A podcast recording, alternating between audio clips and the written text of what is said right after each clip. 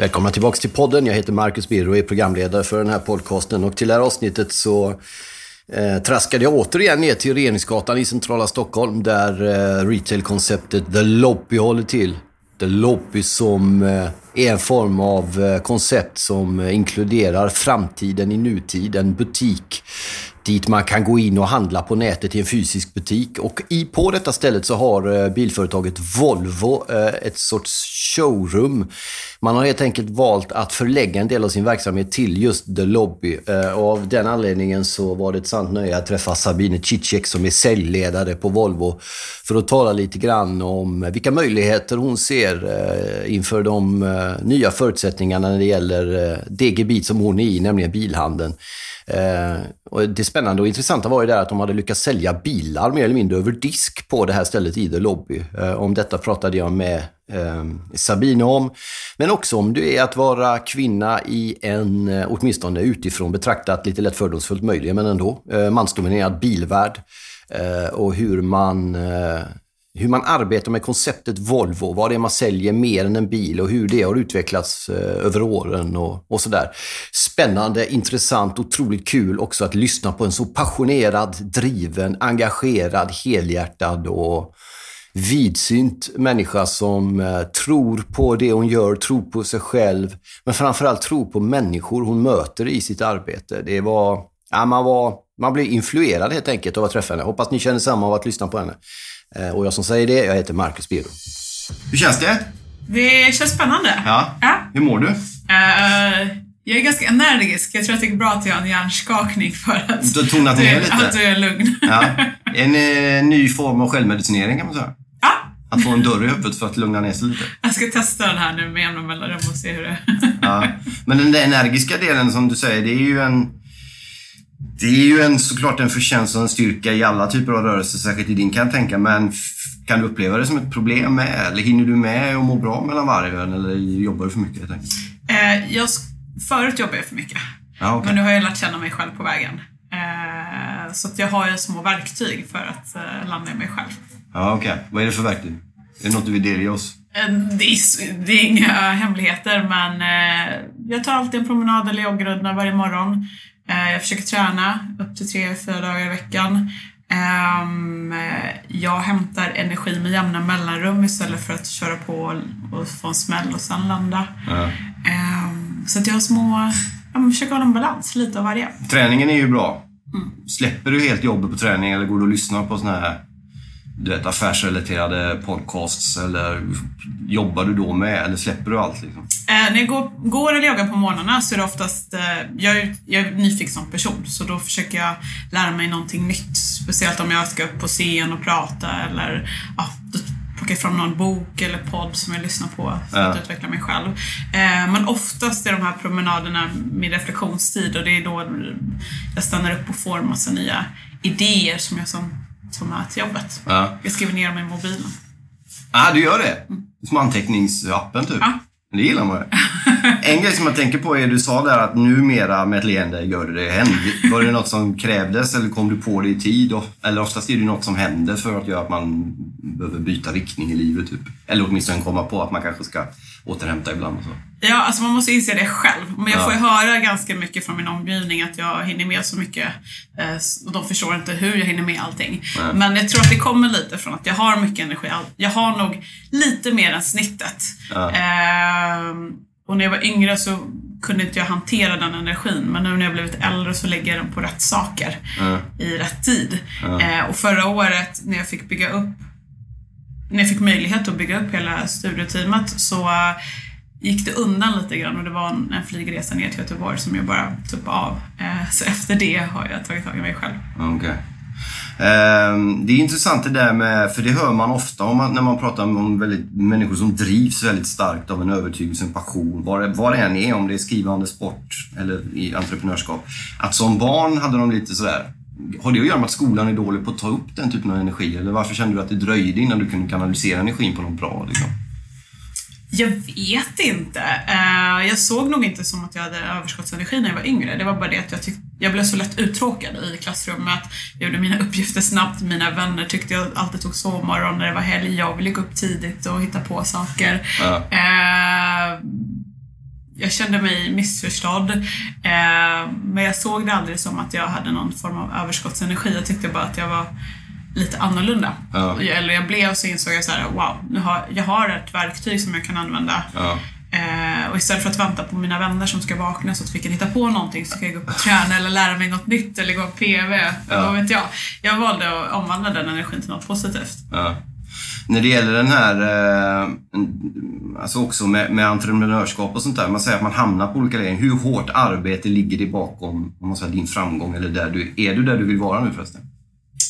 Eh, hade du frågat mig för några år sedan så hade jag inte ens tänkt tanken att vara här. Nej. Vad hade du för tankar för då? Om du...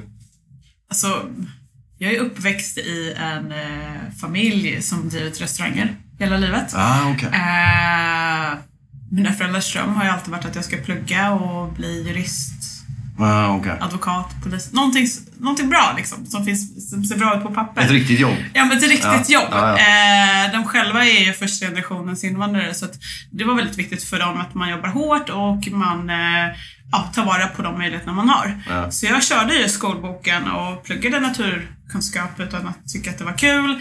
Sen hoppade jag på universitetet och pluggade ekonomi med koncernredovisning utan att tycka att det var kul. Låter inte så jättekul. Nej, det var jättetråkigt. Ja. Eh, det var så tråkigt så att efter ett år ville jag ge upp. Men eh, jag valde att plugga igen ett år så jag blev klar ett år tidigare. Eh, Ah, fast vara- du tyckte det var tråkigt. Jag tyckte det var tråkigt, men det var så här, antingen så ger man upp, Ja. det finns inte i min värld, Nej. eller så skyndar man på.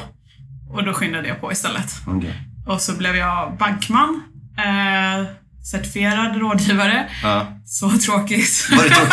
var det trist eller? Alltså det var kul att träffa människorna. Speciellt spontant att stå i liksom kundtjänstdisken. Ja. Men det var så tråkigt att sitta och rådge om bolån och aktier. Ja. Ehm, Varför var det tråkigt? För?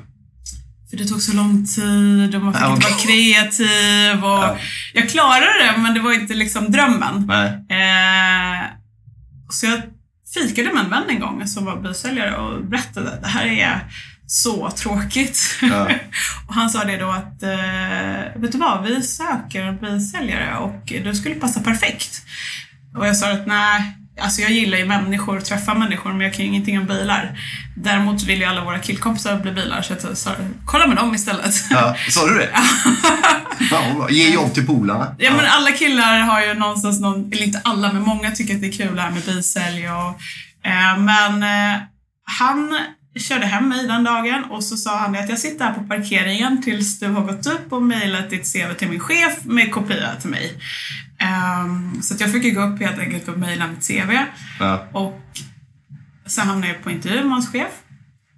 Och vi klickade jättebra. Det var för få då på Ja. Upplands Motor. Men, eh, och jag fick jobbet. Ja. Jag fick träffa säljdirektören efteråt och sa det liksom att kan inte bilar, kan människor. Eh, 80% är känslor, 20% är fakta. Ja. Så jag hoppade på. Eh, första dagen jag började så fick jag gå över till Volvo för att det var, de sålde både Ford och Volvo men det var en person som hade slutat på Volvo där. Så jag halkade in på ett bananskal på ett fantastiskt märke. Ja.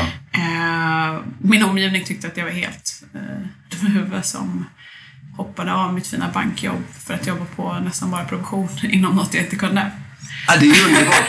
Ja, exakt. Förutsättningarna känns ju begränsade i sammanhanget. Men det där gillar man ju. Men vad tror du apropå den, den här eh, vännen nere i bilen där som sa till dig, vad var, det, vad var det du tror att han såg som du möjligen inte såg själv då? Jag tror någonstans att han såg att jag hade rätt fokus. Ja. Jag var inte ute efter att liksom vara i bilbranschen för att jag var bilnörd utan jag såg ju människan. Ja. Och det är det som har varit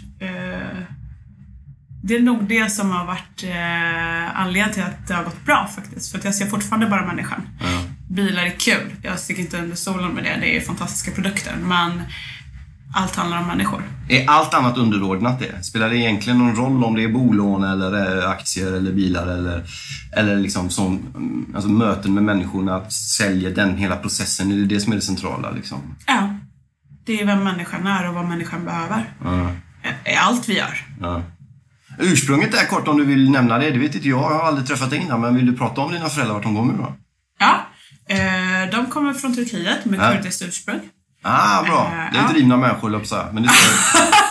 Ja, de är drivna. Eh, Och eh, pappa kom ganska tidigt och sen efter det kom, eh, träffade mamma och tog med henne hit. Är de nöjda nu då? Har du ett riktigt jobb nu för dem?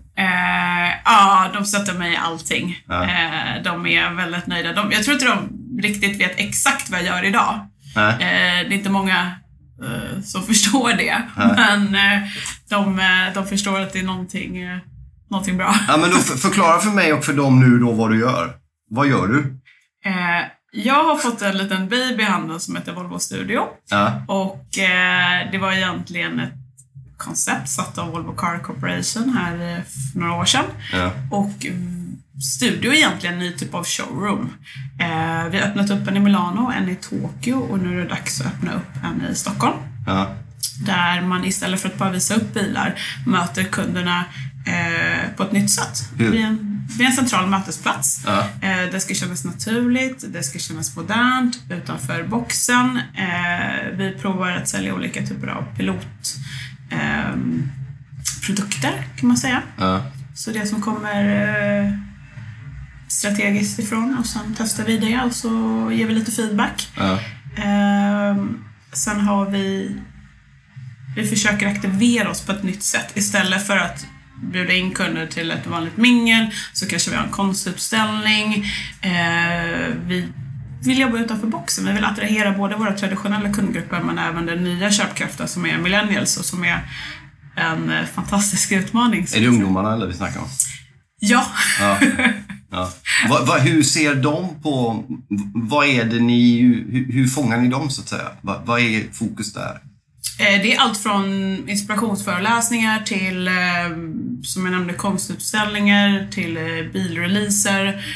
Men de jobbar...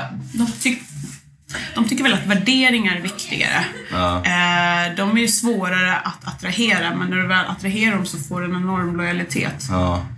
Men är det, i- kan, kan man liksom, för det är ändå försäljning i grunden antar jag. Ni vill ju ändå sälja bilar. Men kan man mäta, kan man ta det steg för steg? Kan man fånga in dem steg för steg om man säger? Eller krävs det att det ganska snabbt går från locka in dem till att de har köpt en bil? Eller hur ser den där resan ut? Kan Jag tror inte de har en typisk resa. Okej. Jag tror att den traditionella grupp, eh, kundgruppen har en eh, typisk resa som man kunde liksom följa. Ja. Det fanns en säljprocess och så följer den. Tidigare gjorde man ju upp till fyra besök i en bilhall utanför stan eh, innan man slog till, en, till, eh, slog till på en bil. Ja, det är ju det man tänker i du vet, gubbtänket. Eh, Idag gör du ungefär 1,2 besök innan du slår till på en bil. Och det kommer ju från att du har tillgång till väldigt mycket information på nätet. Så när du väl åker ut så är du Ah, ganska snabbare. klar. Okej. Ehm, så att det farliga är ju att som bilsäljare ute i en vanlig bilhall hos en äh, återförsäljare att inte vara på tår när en kund kommer in. För att det där är enda besöket i princip de kommer göra. Ja. Men jag tänker en grej, det är en jättelöjlig fråga kanske, men du får du ju säga det i så fall. Men att det kommer in killar, unga män, även äldre män kanske särskilt, som du vet kan allt om och så ska du möta dem liksom. Och så de, är de skeptiska till att du vet vad, en, vad det nu är? Jag kan väldigt lite om bilar, men cylindrar och motorer och allt det där. Ja, Kan du känna att du hamnar i någon sorts trött uppförsbacke där du möter de här gubbarna i keps liksom? det har, nog, det har jag gjort hela livet. Eller hela livet, hela bil... eh, bilbranschkarriären skulle jag säga. Ja. Det var en jätteutmaning första året i branschen. Eh, nu har jag lärt mig att hantera det. Eh, nyligen hade jag ett utvecklingssamtal med en av mina medansvariga, kvinnlig, eh, som eh, sa att jag har en utmaning. Jag vet inte om du har upplevt det någon gång, men när jag träffar manliga kunder så vissa bara skiter i mig och tittar på mina manliga kollegor. Eh, Är det så fortfarande? Vi snackar 2018 eller? Exakt! Min reaktion var samma sak. Jag slog mig bara på pannan och tänkte så här, Gud, fortfarande? Och så såg jag hennes lättnad och hon tittade på mig och bara, Va? Känner du till det här? Gud vad skönt, hur Ja, hon var inte gör vi? ensam. Hon var inte ensam om att känna det. Nej. Men är det jobbigt eller är det en utmaning i sig? Eller kan du gå hem och du vet, banka sandsäck i källaren på alla gubbar? Eller, eller hur, hur tänker du kring det? Liksom? Alltså jag ser det som en utmaning. När det här skedde när jag var ny i branschen så tänkte jag så okej, jag ska motbevisa det här. Ja. Eh, det var allt från, inte alla, men kollegor i verkstaden eh, till kunder som tyckte liksom att den här tjejen klarar inte av det här. Eh, jag vet att det är mycket fakta som ligger bakom, men jag har hört rykten om att det var en kollega som slog vad om hur länge jag skulle klara av att vara kvar som... Nej, är det sant? Det låter som en sån amerikansk film nästan. Ja, men det var där, eh, och tre, månader, tre första månaderna var jätte, jättejobbiga. Jag höll på att ge upp, men samma sak där. Jag tänkte så här, antingen ger jag det här ett år eller så liksom får jag det här. Men eh, ett år ska jag ge det. Så efter ett år lyckades jag bli toppsäljare i Sverige för Volvo. Oj, shit! Fan, det är bra du. Men höll de tyst då, resten av... För jag menar, de som Ja. kommer in i en affär till exempel, eller showroom och möter dig, de vet ju inte att du är bäst i Sverige. Nej. Jag hade faktiskt en, bara, typ. direkt efter hade jag en kund som sa det liksom att eh, hej jag behöver hjälp och så vill jag hjälpa till och så sa han nej men jag behöver en erfaren liksom. Ja, så jag bara hänvisade till en annan kollega. Du skulle hämta diplomet för fan. Skulle du visa den? Du är bäst i Sverige på det. Ja. En annan kollega, eller kund som var stammis, han såg när mitt blombud kom från Volvo som gratulerade till det här priset och frågade mig varför jag hade fått blommor. Då förklarade jag varför och då tyckte jag så va? Men jag har ju varit här ett år och trodde att du var receptionisten. Nej, så, så här. Fan vad bra. Ja. Men det är ju skrämmande egentligen alltså. Men det är ju deras, eh, det är deras bild Ja. av världen. Så egentligen så får inte jag ta det personligt utan det handlar om deras okunskap skulle jag säga. Ja. Eller deras korridor. Eh, Så jag utnyttjar det. Chocken varje gång. Sen har det funnits fantastiska kunder som tycker det är jättekul att det bolaget jag jobbar för Har en tjej. om- Ja, precis. Ja. Och sen var det ju jättepopulärt att vara tjej i branschen som klarar att hålla sig kvar. Ja. Men om man, är, om man kommer lite från ett annat håll in i den här liksom, företagsvärlden med Dagens Industri och, och du vet, snygga, tajta män i kostym och allt sånt där. Hur är den världen att vara i för dig? Liksom? Är det mycket fördomar kring den som, som jag kanske kan ha andra om att det är mycket yta och det är mycket pengar och det är mycket sånt där. Eller Hur skulle du vilja beskriva liksom, världen i sig? Om man säger? Jag tror att det finns alla möjliga människor, eh, precis som det finns i resten av världen. Ja. Även i den miljön. Eh, sen finns det ju tydligt vissa som har fördomar och vissa som är väldigt ödmjuka, prestigelösa. Ja. Eh, jag gillar ju otroligt mycket att prata med prestigelösa, ödmjuka människor och eh, jag vill absolut inte bli någon som inte är det. Men hur lyckas man med det då om man gör en sån karriär som du har gjort ändå? Liksom? Och är, blir väldigt framgångsrik innan? Är det, är det, det är en sak att sitta och säga att man ska hålla fötterna på jorden, men hur gör man det praktiskt? Liksom? Efter att jag vann det här priset så insåg jag liksom, jobba på provision, eh, få ett sånt pris, man fick massa resor, man blev liksom upphöjd ganska rejält. Eh, då ringde jag min bästa kompis och sa att gumman nu, eh, nu händer det grejer och lova mig att örfila mig om det är så att jag tappar min ödmjukhet i det här för att det är det sista jag vill göra. Eh, och det har varit också, förutom att jag tycker att människan alltid går före, så tycker jag att ödmjukhet är otroligt viktigt och jag vill aldrig, aldrig tappa det. Ja. Men det, är ju, det, är en, det där är ju bra att göra när det händer, för ofta ser man ju när man tappar ödmjukhet, ser man ju ofta i efterhand. Ja. Alltså, mm, kan man ta för egen erfarenhet, när det har gått väldigt, väldigt bra så är det svårt att se att det går väldigt bra. För efteråt upptäcker man att ah, det, var, det gick bra då. Och då ser man också att man tappade ödmjukheten och då vände även framgången. Ja, I mångt och nästan exakt samma tillfälle liksom. Men om vi pratar showroom nu då. Nu byggs det om och då valde du, har jag förstått, ni i alla fall att vara på The Lobby där. Kan du berätta lite om den, den vägen som var där? Va, vad är showroomet? Det är ju Kungsträdgården. Många känner till det, många vet. Det står en del fina bilar, ibland en del fina röda mattor med fina människor. Alltså, vad, vad är det för något och vad ska det bli nu och varför är ni på Lobby och så? Tidigare som jag nämnde så har det egentligen bara varit ett ställe där du kan se det senaste inom eh, Volvos portfölj. Ja. Eh, nu kommer det bli i princip samma sak, men utvecklat eh, till en central mötesplats. Vi kommer bland annat bygga ett café i det. Så du behöver inte komma in bara för att du ska titta på en bil, utan du kan ta en kaffe. Ah. Eh, vi kommer ha stående event så du kan ta del av dem. Eh, väldigt, nu kan inte jag prata om alla eventen, men det kommer vara väldigt brett så att det passar alla åldersgrupper och intressen. Eh, så du behöver verkligen inte liksom vara en bilnörd för att komma dit. Ja. För det är ju många som är bara liksom normalt intresserade av bilar och som så här, nya och Volvo är ju ett, och fortfarande ett väldigt intressant varumärke för många. Och liksom, även om man inte är bilnörd och så. Det, är, få in, det finns ju en potential att få in fler där kan man känna. Mm. Alltså alla typer av människor liksom. Ja, för alla människor behöver ju transportmedel på ett eller annat sätt. Ja. Du behöver inte vara bilnörd. Eh, som jag nämnde tidigare, jag är ingen bilnörd. Jag tycker det är fantastiskt kul med bilar. Jag tycker Volvo har gjort en fantastisk resa. Men du behöver inte vara bilnörd för att komma in till oss. Utan du ska känna dig som hemma. Ja. Eh, en grej som jag tänker lite på är ju... Du nämnde Milano där till exempel. Att ni har varit där. Hur var det till att börja med? De italienarna är ju, varandes halvitalienare vet jag hur de är. De är ju som de är med sina, du vet, sitt land och sina produkter. Att de är best made in Italy och sånt. Hur var det att komma dit med svensk bil? Hur har Volvo renommerat Ja, Italien? alltså innan vi öppnade upp i Milano så gick både Milano, Team Studio Milano och Team Studio Stockholm en utbildning tillsammans i en vecka i Göteborg. Ja. Eh, och där utbytte vi idéer, tankar, fick lära oss om hela konceptet eh, och smittade av oss av den svenska skandinaviska kulturen. Ja. Eh, för det är det det ska andas i våra studion, eh, oavsett om det är Tokyo eller i Milano. Eh, I Har man dessutom semlor i kafeterian. Ja. Eh, så Ja, det gillar man ju. Fattar de de där semlorna? Ja. Ja, de åt dem. Eh, ja. De är så jävla väluppfostrade i Japan och vågar inte annars. Eh, och designen i våra studion är ju kommer från vår skandinaviska natu- natur. Ja. Så att vi har träväggar från skogarna, vi har golv i betong från klipporna, eh, norrskensbelysning i taket. Eh, så det är det de eh, för vidare till sina kunder. Och italierna, italienarna reagerade som du sa på att eh, men lyx för oss, det är liksom utseende och material och Volvos lyx är något annat. Och de var väldigt tveksamma. Jag fick ett tillfälle med studio manager i Italien, eller Milano som frågade mig så här, hur, hur ska jag sälja in det här?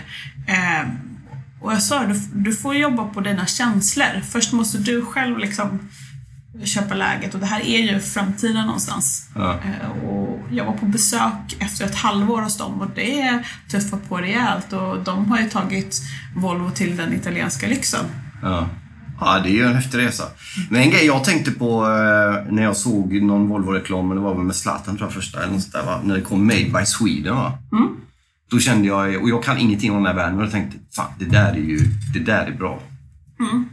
Men har ingen Sweden reagerat på det? Ni, ni likställer ju ändå Volvo med Sverige och tvärtom lite. Lite som Ikea har gjort nästan. Liksom. Fanns det en sån tanke eller har det bara blivit så? Liksom, att Volvo och Sverige är samma sak utomlands? Eller har det varit så under... under Ja, vi tycker det är väldigt viktigt att bära med den skandinaviska kulturen, både liksom utseendemässigt och eh, kulturellt. Ja. Eh, för om man tittar om man tittar på världen så ser man Sverige som ett land som man kan lita på. Människorna som lever i Sverige är väldigt ärliga.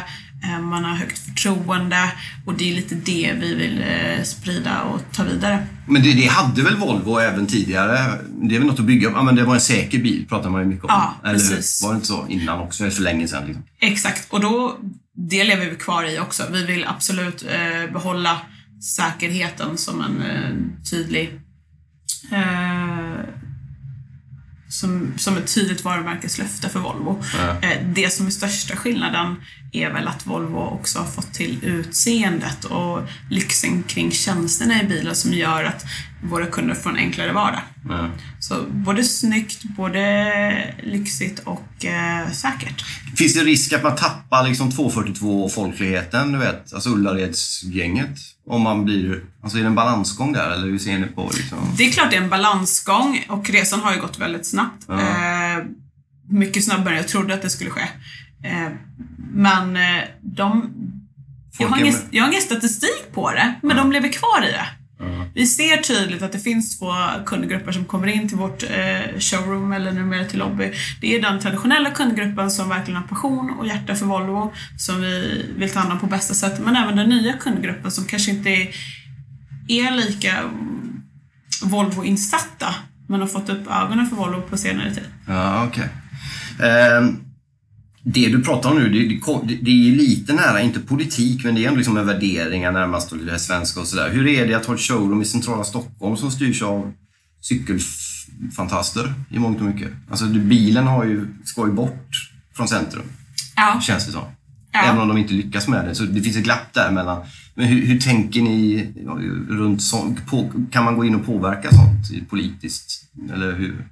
Hur tänker du politiskt? Nej, men i, menar, vi har ju en miljöpartist i Stockholm Mm. ska vi säga som är, han, han vill ju ha bort alla bilar. Åker man Ja. taxi så blir man ju får man ju höra en del om vad, vad de tycker om det där. Det är stökigt att vara bilist i Stockholm. Liksom. Mm. Är det fokus på storstad eller landsbygd? Och det kanske också finns en skillnad mellan det där lite finare, lite dyrare och det mer folkliga ute på landet och sånt där. Det kan man ju se i handel. Som gallerierna lever väl vidare i de mindre städerna fortfarande. I huvudstaden och Göteborg så ser det väl lite annorlunda ut. Liksom. Har ni en skillnad på var i Sverige ni är när ni presenterar Volvo som varumärke? Vi står ju för våra varumärkeslöften i Hela överallt, vägen, tänkte jag säga. Ja. Eh, och vi, ja, men jag tycker vi speglar våra varumärkeslöften ganska rejält. Sen jobbar vi på andra sätt. Eh, 2025 har vi som mål att 50 procent av våra bilar ska drivas av el. Eh, vi jobbar väldigt närma Det är ju rätt hållbarhet. smart ju. Ja, Slog du mig nu? Ja, shit. Mm, det jätte- Hur går det med det jobbet undrar vi? Eh, Det är jättenä- Jag är inte insatt i detalj, Nej. Mm. men eh, hittills har man ju lyckats nå de målen man har satt. Ja. Du sa innan där att du började på Ford och så första dagen eller andra så blev det Volvo. Det var direkt. Samma Ja. dag som jag kom in och trodde att jag skulle för Ford så blev det Volvo. Ja, okej. Hade du läst på då om Ford innan? Lite grann broschyrer och... Ja. Kan du bli värvad igen typ? Eh, alltså branschen är liten. Ja. Eh, men jag har, jag har så förtroende för vår VD. Han eh, är otroligt häftig människa. ja. Så just nu trivs jag jättebra göra Det ska mycket resan till, som vi säger. Ja. Eh, Volvo är ett jättehäftigt bolag. Det människor ser är produktförändringen som är skedd. ja. Det jag ser från att ha varit borta och kommit tillbaka är den otroliga organisationsförändringen. Sättet man jobbar på idag, det är en helt annan kultur. Det är så framkant, så modernt, så det finns inte. Man Går, det, går det parallellt det du berättar nu? Alltså både utvecklingen rent som vi som utanför ser och det du pratar om? Eller är det Ja, jag, jag skulle säga så här. Eh, jag önskar att alla människor, alla kunder förstod vilken fantastisk kulturresa Volvo har genomfört i, i sitt företag. Ja, okej. Och förhoppningen är väl att de kanske gör det? Så, eller? Att man märker Det här är en resa som är pågående. Ja. Och man har gått... Det vi jobbar med idag, det är inspirerande ledarskap. Ja. Eh, Jag har suttit i samma utbildningstillfällen med min VD och övriga ledare för att lära mig den nya kulturresan och sen implementera den i våra avdelningar och hela tiden leva i den. Eh, Och det är sjukt coolt, skulle jag säga. Det är på riktigt, känns det, Det, det är på riktigt och det är verkligen eh, magiskt. Ja. Vi jobbar eh, syftesbaserat. Vi jobbar inte liksom min avdelning och din avdelning utan vi tar uppgiften och jobbar mot syftet. Eh, vi vill hela tiden ta ut det bästa av varje medansvarig. Eh, vi ser som en färskvara hela tiden, jobbar på det, går utbildningar och ja. Håller, håller sig håller kulturen eh, levande. Ja. Och det är väldigt ovanligt i bilbranschen skulle jag säga. Jag har aldrig satt det i bilbranschen. Är det lätt att man, man har sitt varumärke och det man är bra på, det man är mindre bra på, sen kör man? Eller att, Ja, eller som är bil, bilbranschen har inte utvecklats på samma sätt som retailmarknaden till exempel. Nej. Så man håller kvar sig till väldigt mycket struktur. Ja. Men för att vi ska kunna utvecklas så behöver vi både kulturen och strukturen.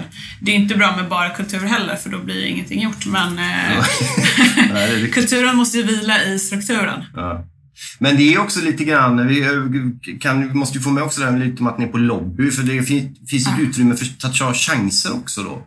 Alltså risker kan man väl också kalla det, men det är chanser lite beroende på vad. Men alltså det här med the lobby, nu är det ju, och det är väl lite du som vill att det ska vara här har jag förstått. Ja, men det är också lite precis det jag pratade om kulturen. Ja. Vi ska stänga ner showroomet för att börja renovera och sen eh, fick jag i uppgift att kartlägga Stockholm. Jag kikade runt, hittade lite tomma lokaler. Vart ska vi vara? Vill vi vara en pop-up? En klassisk? Nej, jag kände så här. Vi behöver passa på att göra någonting utanför boxen när vi ändå har möjlighet i sex månader och bara vara fria. Ja. Eh, då sprang jag på Anneli Gullström. Ja, just det. Ja.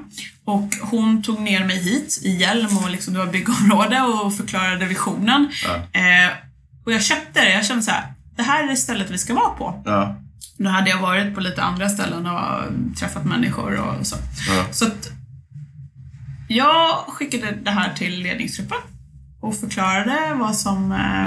Eller genom min chef då som fick presentera det. Ja. Eh, det var lite svårt att förklara det i och med att det var bara byggområde och så var det pdf-er. Ja. Men eh, till slut fick vi ett OK på det. Ja. Och första dagen när vi skulle öppna lobbyn så var jag ju lite nervös och tänkte så här, oh, är det här rätt val eller är det, Är det fel? är det fel? Ja. Eh, 20 kvadratmeter ställer en bil och bara skärmar i liksom ett kvarter som inte vi är vana med. Ja. Men eh, det gick bra. Ja. Så fort vi öppnade dörrarna hade vi kunder runt om vår bil och våra skärmar. Och, ja, Men för det, det är ju ett modigt. Jag har ju intervjuat Anette Gullström eh, om eh, The Lobby och, och eh, n- jag hade inga pdf men det är till och med svårt alltså, Att beskriva det. Ja, exakt! Ja. För det är, det är en organisk rörelse till daglig basis som ändras hela tiden. ja, Så det är lite svårt att förklara. Är det en butik eller vad är det? Man, bör, man måste, du måste få in huvudet i ett annat tänk. Liksom.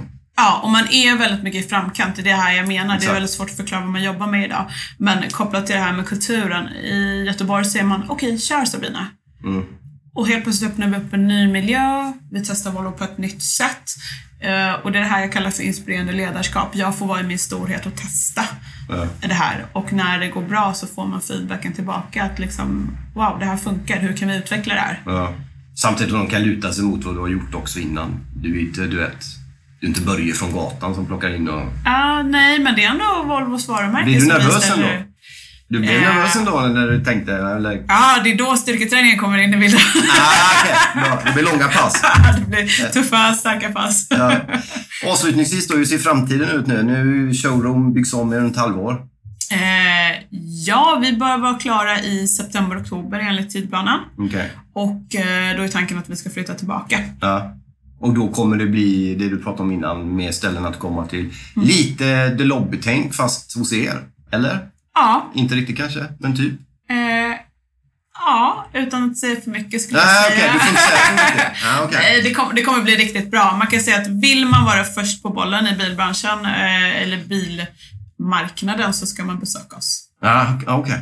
I höst då. Ja. Och under tiden kan man komma till Lobby på Regeringsgatan i Stockholm och kolla också. Yes. Ja, Ja. bra. Stort tack för att du tog dig tid. Tack själv. Det var roligt. Hur kändes det? Kändes det konstigt? Eh, Var det första poddintervjun du gjorde? ja, Det gick ju hur bra som helst. ja, vad kul. Vad skönt. Hur känns det själv? Eh, det känns bra. Jag hoppas att det lät lika bra som det kändes. Ja, men det gjorde det nog. Tyckte jag ställde löjliga frågor? Eh, nej, men jag kanske hoppade mellan lite Nej, du var ju fullständigt glasklar stringent. Okej, Jag ja, fattar skönt. varför det går bra nu. Vad kul, tack. Tack så mycket.